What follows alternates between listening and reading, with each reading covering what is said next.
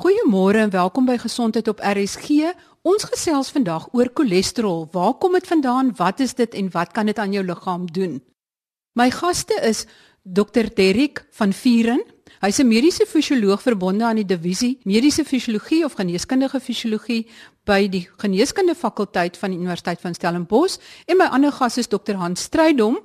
Hy's 'n medikus, kliniese navorser en ook dosent by die divisie geneeskundige fisiologie by die Universiteit van Stellenbosch se geneeskunde fakulteit. Voordat ons oor cholesterol gesels, wil ek 'n punt opklaar oor wat mens verstaan onder cholesterol. In die eerste plek is daar die cholesterol molekuule wat 'n voorloper is vir die vervaardiging van verskeie hormone in jou liggaam. En ons gaan in die eerste deel hoofsaaklik fokus op die cholesterol molekuule.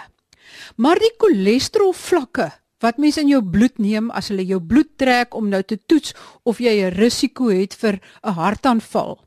Hulle meet nie die cholesterol molekuule nie.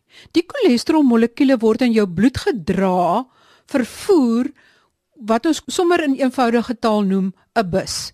En die cholesterol molekuule is 'n passasier in daardie bus en daar's verskillende soorte busse waarin die cholesterol molekuule vervoer word. En dis hierdie busse die vlakke van die busse wat in die bloed gemeet word.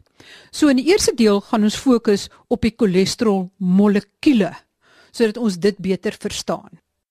Dokter van Vuren, kom ons begin by jou en ons vra wat is cholesterol en waar kom dit vandaan? As ons nou kyk na die basiese elemente daarvan, kan cholesterol geklassifiseer word as 'n tipe vet of 'n lipid.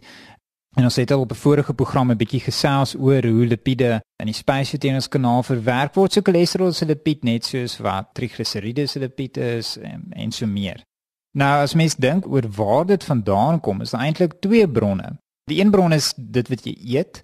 So die kos wat ons inneem vir al voedsel van 'n dieragtige afkoms bevat cholesterol en daardie cholesterol word verteer en opgeneem in die spysverteringskanaal net soos wat enige ander lipid verteer en opgeneem sou word. 'n Ander belangrike bron en dit is soms nog ons verbasend as 'n mens daaroor dink, want dit is eintlik amper meer belangrik as die die eetbron is dat ons ons eie cholesterol vervaardig binne in ons liggaam. Een van die neuweprodukte of wat ons noem metaboliete wat geproduseer word tydens um, verskeie energieproduserende metabooliese weë in die lewer veral word gebruik om cholesterol te produseer. So uiteindelik is cholesterol um, iets wat ons inneem en dit ons die eetheid, maar dit is ook iets wat ons in ons eie liggame produseer. Plante maak 'n bietjie cholesterol, maar nie baie nie. Diere maak cholesterol. Dis hoekom ons maak dit en ook die die bees wat jy nou vanaand dalk gaan gaan braai of 'n deel van die bees wat jy gaan braai, die het ook toe hy nog leef het cholesterol gemaak en daai cholesterol word ingeneem. Een van die interessante dinge as ons nou praat van die die die eetbron is dat daar is 'n assosiasie tussen die inhoud van die die versadigde vetsure in jou dieet wat nou ook van hoofsaaklik van diereherkoms is en jou cholesterol vlakke. Nou presies hoekom daar hierdie assosiasie is, dit is nie net so seer so klink klaar nie. Maar een van die idees wat rondgegooi word is dat ehm um, so tipe dieet net vir die liggaam meer boublokke gee sodat hy eie cholesterol kan produseer. So daar's eintlik op 'n manier die cholesterol wat jy direk opneem, dit is nou iets wat die dier wat jy nou eet gemaak het terwyl hy nog geleef het, maar dan ook baie van die ander vette wat in jou choppie of in jou steak is, kan dan ook gebruik word deur die liggaam om cholesterol te produseer. En daar is 'n assosiasie tussen daardie vetinhoud in jou dieet en jou uh, bloedcholesterol vlakke. Ek wil net vinnig een ding afhandel en dit is die cholesterol molekuule wat jou liggaam self opbou in die lewer. Uit wat uitbou hy dit op? Dit sal dalk vir van die luisteraars verbasend wees, maar cholesterol word opgebou vanuit 'n spesifieke molekuule en uh, daardie molekuul om nou die lang naam te noem noem ons asetielkoensiem A.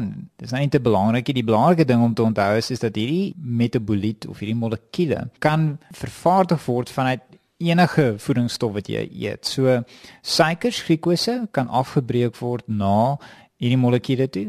Vetsure kan afgebreek word na die molekuule toe, selfs glyserol en sekere aminosure ook kan almal afgebreek word na hierdie een gemeenskaplike molekuule wat ons noem asetielkoensiem A. Nou vir interessantheid, asetielkoensiem A bevat twee koolstowwe en 'n cholesterolmolekuule bevat iets soos 26 of 27 koolstowwe. So jy liggaam het uiteindelik 'n hele paar van hierdie asetielkoensiem A molekuulietjies nodig. Maar omtrent alle selle in die liggaam het die vermoë om cholesterol te maak, maar veral die lewer is belangrik hierso. So wat die lewer dan nou doen is, is hy vat 'n klomp van hierdie ehm um, acetylcoenzyme A molekuulietjies en hy dan nou die kan dan dit dan aan mekaar koppel om 'n cholesterol molekuule te maak. En hierdie proses om cholesterol te sintetiseer binne in die lewer is word baie deeglik gereguleer sodat die lewer of die hele tyd monitor hoeveel cholesterol is daar nou eintlik binne in die liggaam. En dit is nou cholesterol beide wat die lewer self produseer, maar ook cholesterol wat jy nou deur die dieet ingeneem het. En na gelang van hierdie vlakke van cholesterol binne in die lewer kan die lewer dan of meer of minder cholesterol produseer na gelang van hoeveel cholesterol daar reeds is. Dokter Strydom, kan jy net vir ons so 'n bietjie meer inligting gee oor hierdie cholesterol molekuule wat 'n voorloper is van sekere hormone? Kom daar dan nog goeters by hierdie molekuule by en dan is dit nou aktiewe hormone? Gebeur dit in die lewer of waar gebeur dit? Daar word beslis ander strukture bygevoeg by die cholesterol molekuul. So die cholesterol molekuul dien amper as die ruggraat van hierdie ander hormone soos byvoorbeeld testosteron, estrogen, kortisol uh, en hulle het almal op die einde verskillende strukture maar almal hierdie gemeenskaplike kom ons noem dit nou maar ruggraat of basiese bousteen van die cholesterolmolekuul.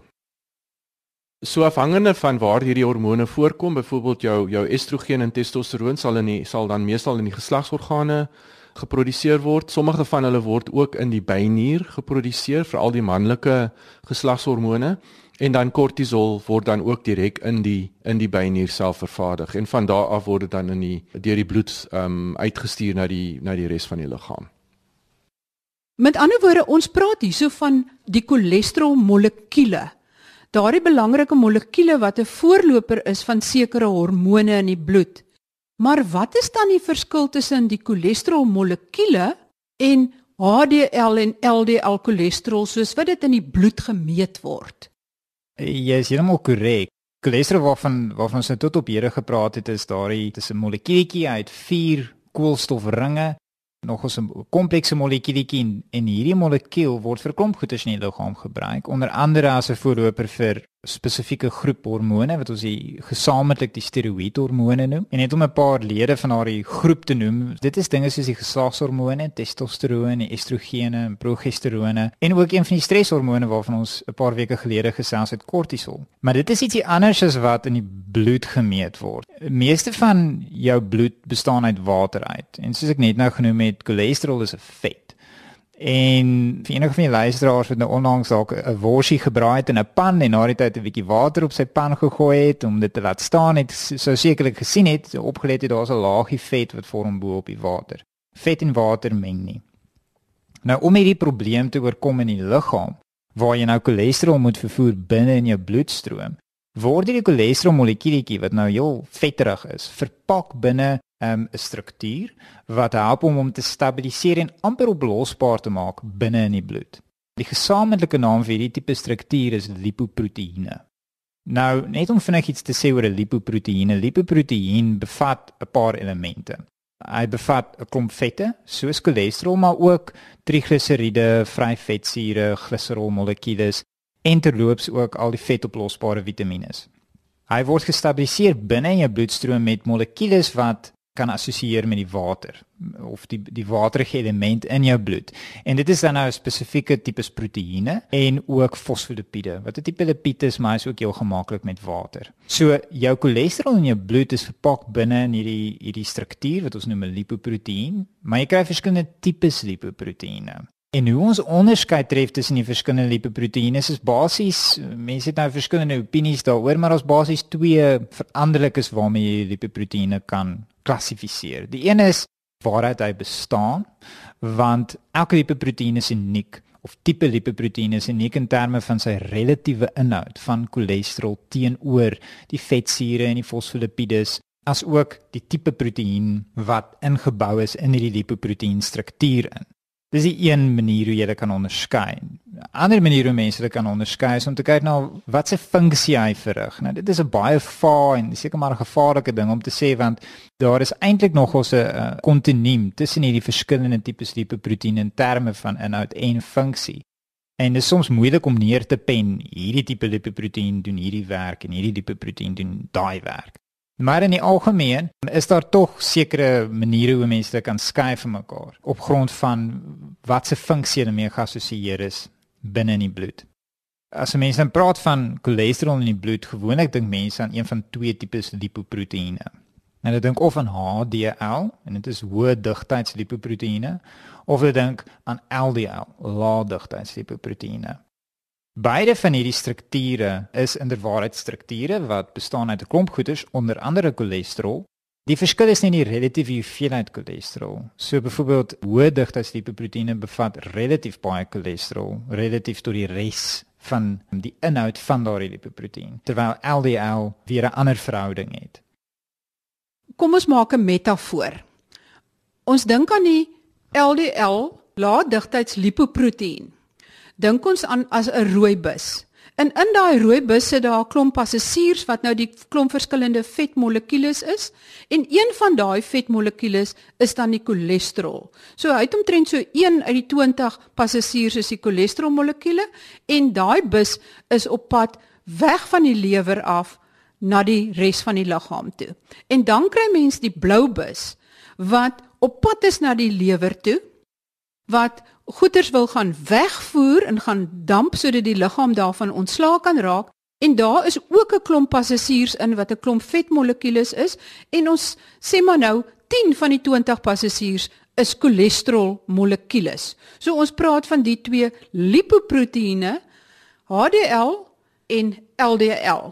Die een voer dit na die lewer toe, HDL, die blou bus en die rooi bus voer dit in die liggaam in ek het nou die metafoor gebruik van die rooi bus wat weg van die um, lewer af vervoer met 'n eh, enkele of min cholesterol molekules in hierdie rooi bus in hierdie lipoproteïen en die blou bus wat dit weer terugvat na die lewer toe.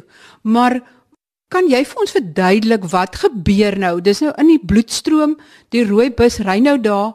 Wat gebeur nou met daai cholesterol molekules wat binne in daai bus is? Die doel van die rooibus of dan die LDL lipoproteïen is om hierdie cholesterol en ook die ander vette dan in die liggaam te gaan verpak. Dit kan wissel, dit kan verpak word in bestaande vetweefsel, maar wat meer van belang is in terme van die hart en die bloedvatstelsel is dat hierdie rooibus, die LDL lipoproteïene ook ongelukkig hierdie vette en cholesterol in die bloedvate kan gaan verpak. En dit is baie keer dan hoe ehm um, die hele proses van aterosklerose ontwikkel. As ons net kyk na die bloedvate, die binneste beleining van die bloedvate bestaan uit 'n enkel laagie uh selle wat ons die endoteelselle noem. En hierdie endoteelselle uh beskerm basies die res van die bloedvatwand teen enige skadelike stowwe. En te keer dat daai skadelike stowwe die bloedvatwand kan binnendring, Die probleem is in mense met risikofaktore, byvoorbeeld rokers, diabetes, mense met genetiese oorerflike probleme, kan dit baie keer lei dat daai bloedvat, dat daai endoteellaagie raak siek en wat gewoonlik 'n baie sterk skans is en hierdie selletjies sit vreeslik dig teen mekaar. Wat dan baie keer kan gebeur as hulle siek raak, is is dat hulle van mekaar begin wegbeweeg. En dit is wanneer die probleme dan ontstaan want daar is dan nou klein gaatjies in die binneste wand van jou bloedvat wat dan toelaat dat sekere skadelike stowwe in die wand van die bloedvat gaan lê. En een van hierdie goed wat daar kan binneglip is juis die rooibus of dan nou LDL. En hy dra dan nou hierdie vette en ook die cholesterol saam met hom. En in daai situasie is daar gewoonlik ook wat ons noem 'n oksidatiewe stres situasie. So daar is vrye radikale wat vorm, baie keer suurstof afgelei en dit oksideer hierdie LDL of dan nou die rooibus. En ons praat dan letterlik van geoksideerde LDL. En dit is wanneer daai LDL op sy skadelikste is. En dit lei dan na 'n hele kaskade van inflammasie of ontsteking. Meer witbloedselle wat ons liggaam se soldate is, word gelok na hierdie letsel in die bloedvate.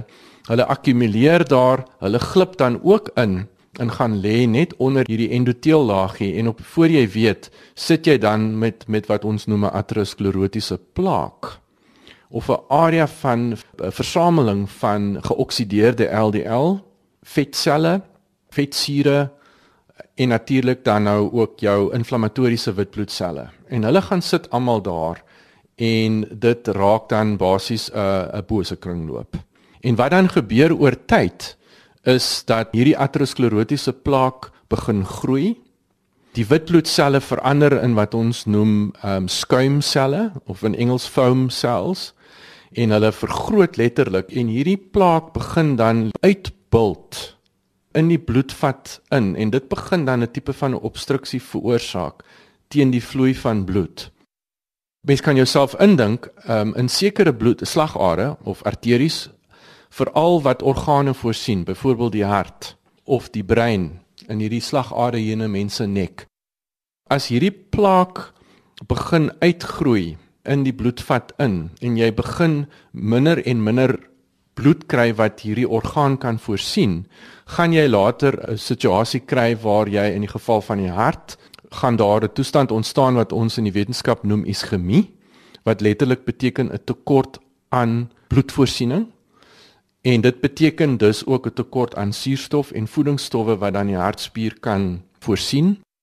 En as daardie plaak later afbreek want hy hy stulp later af en hy breek af en hy vorm 'n bloedklont en hy word dan deur die bloedstroom in al hoe verder in die kleiner bloedvaatjies ingestoot waar hy later dan gaan vassit. En dit veroorsaak dan wat ons noem 'n miokardiale infarksie of dan 'n hartaanval.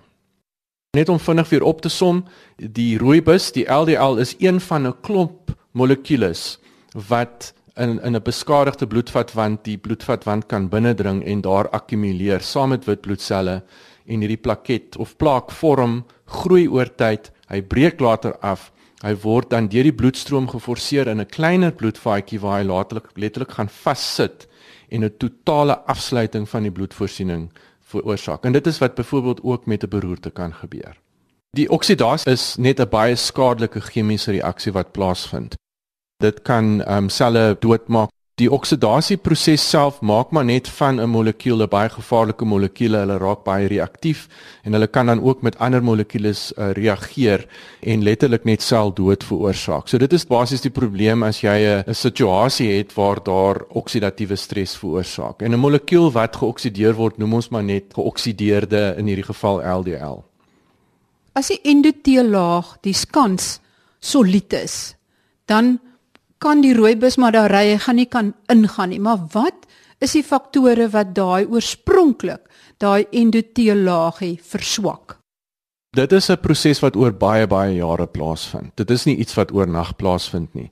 So dit is gewoonlik mense wat al van 'n redelike jong ouderdom ehm um, nie 'n baie gesonde lewenstyl lei nie aan die een kant of mense wat ongelukkig genoeg genetiese oorerwing het wat geen medikasie in die wêreld die proses sal kan omkeer nie. So dit is 'n dis 'n langdurige proses wat baie keer begin met um, inflammasie, laaggraadse ontsteking waar witbloedselle maar gelok word en witbloedselle skei 'n klomp klein molekules af wat amper soos hormone is wat ons noem sitokine en hierdie sitokine stuur dan boodskappe vir nog witbloedselle om te kom en, en hulle plak letterlik saam rondom hierdie siek endoteelselle. En die endoteelselle self skei dan ook op hulle oppervlaktes proteïene of molekules af wat aan bloedselle gaan vassit. Ons noem hulle adhesiemolekules. Hierdie hele proses wat oor jare plaasvind, verswak dan hierdie verbindings wat tussen die endoteelselle uh, plaasvind. So trek hulle dan met tyd letterlik weg van mekaar. Mens kan amper dit beskou as dat hulle uh, op 'n manier begin bietjie krimp en soos wat hulle dan nou wegtrek van mekaar ontstaan daar dan hierdie gaatjies wat allerlei skadelike molekules in die bloedvatwand kan inbeweeg. Net voordat ons kom by of daar moontlikheid is om hierdie prosesse te keer of te vertraag, kom ons gaan net weer terug na die blou bus toe, die HDL. HDL vervoer weer die molekules terug na die lewer toe. Maar verduidelik bietjie meer daarvan. So HDL is wat ons almal as goeie cholesterol beskou. So as 'n mens jou bloed wegstuur vir sogenaamde cholesterol toetse, ek wil net weer herhaal wat ons vro vroeër ook uh, bespreek het. Die as ons ons cholesterol meet, meet ons nie die cholesterol nie. Ons meet hierdie bussies. So ons meet HDL wat ons praat van totale cholesterol is maar net die som van al hierdie verskillende tipes verpakkings wat saamgetel word wat ons algemeen praat van goeie cholesterol of dan nou hierdie HDL lipoproteïen, hy word goeie cholesterol genoem vir 'n goeie rede en dit is omdat hy juis sy funksie is sover ons huidige kennis strek in elk geval maar daar word maar baie navorsing nog gedoen op HDL. So dinge mag verander, ons ons idees mag dalk verander oor 'n paar jaar. Maar oor die algemeen is word hy as goed beskou omdat hy oortollige cholesterol en alle vetagtige strukture juis wegvat van die organe en terugvat lewer toe sodat dit via die urine en die spysverteringskanaal uitgeskei kan word. So dis hoekom ons praat van hom as die goeie cholesterol. En baie mense wat cholesterol probleme het, weer eens praat ek maar van hoe ons dit in die leuke taal beskou, se probleem is is is baie keer nie met die rooibus nie. Met ander woorde dat daar te veel van die slegte cholesterol of die LDL is nie, maar juist dat daar te min van die goeie cholesterol is. En as mens dan kyk na hulle bloeduitslae, sal mens baie keer sien dat hulle totale cholesterol is eintlik oukei. Okay. Die LDL cholesterol of die LDL is eintlik ook binne normale perke, maar dan sien 'n mens dat die HDL baie baie laag is. En en dit is baie keer 'n familiale probleem. Mense met abnormaal lae HDL cholesterol, dit is baie keer geneties van aard en daar is ook sekere navorsing wat suggereer dat rokers oor tyd ook hulle goeie cholesterol vlakke eh, daal ook. So mense kan nou twee en twee bymekaar sit en dink dat as jou goeie cholesterol laag is, dan het jy te min van hierdie lipoproteïen om jou oortollige vette en cholesterol by van onder andere die bloedvate, maar ook die hart en die weefsel en die organe weg te voer, lewer toe te vat sodat die lewer dit kan uitskei. So hierdie mense het 'n baie hoër risiko om aterosklerose te ontwikkel en 'n hartaanval as mense met normale HDL of goeie cholesterol en baie keer soms ook selfs 'n hoër risiko as mense met hoë LDL cholesterol. Mens kry baie keer gevalle waar mense met baie hoë cholesterol rondloop en niks oorkom nie. Wat net op die kompleksiteit van die situasie dui. Mens moet jou glad nie blind staar teen die syfers nie, want soos jy sê baie keer eh, kan 'n mens 'n baie hoë totale cholesterol hê mens moet in die eerste plek kyk na die verskillende onderafdelings. So mens moet gaan kyk na die LDL en die HDL. Maar wat baie belangrik is, mens moet ook gaan kyk wat hulle baie keer saam met die cholesterol toetse doen is natuurlik die sogenaamde trigliseried vlakke. Die afgelope tyd, in elk geval in in van die kongresse wat ek bywoon, kom ek agter dat die kliniese navorsers eintlik baie meer aandag begin skenk aan die trigliseried vlakke eerder as hierdie verskriklike um obsessie met cholesterol. Juis omdat ek dink daar so baie gevalle is van mense met met sogenaamde hoë cholesterol wat doodnormale lewens lei. Wat die normale waardes betref, die totale cholesterol um moet nie meer as 5 wees nie. In Suid-Afrika meet ons dit in millimol per liter. Die normale populasie daar buite se gemiddelde totale cholesterol is 5. En as jy nou jou bloeduitslag van die lab kry, gaan hy vir jou sê as dit hoër as 5 is, is jy hoër as die algemene populasie. Vir LDL cholesterol is dit 3. Interessant genoeg, die HDL is verskillend vir mans en vrouens. Ehm um, in mans moet dit verkieslik meer as 1 wees en in vrouens ehm um, meer as 1.2. Daar is wat hulle noem die Framingham risk score. So as jy deur jou mediese praktisyn beskou word as 'n hoë risiko vir hartsiekte, dan is daar 'n hele klomp faktore waarna ons in ehm um, totaliteit kyk. En dan verander die riglyne vir die HDL en die LDL ehm um, afhangende van jou risiko. Byvoorbeeld as jy 'n familiegeskiedenis het, as jy hoë bloeddruk ook het, as jy 'n roker is.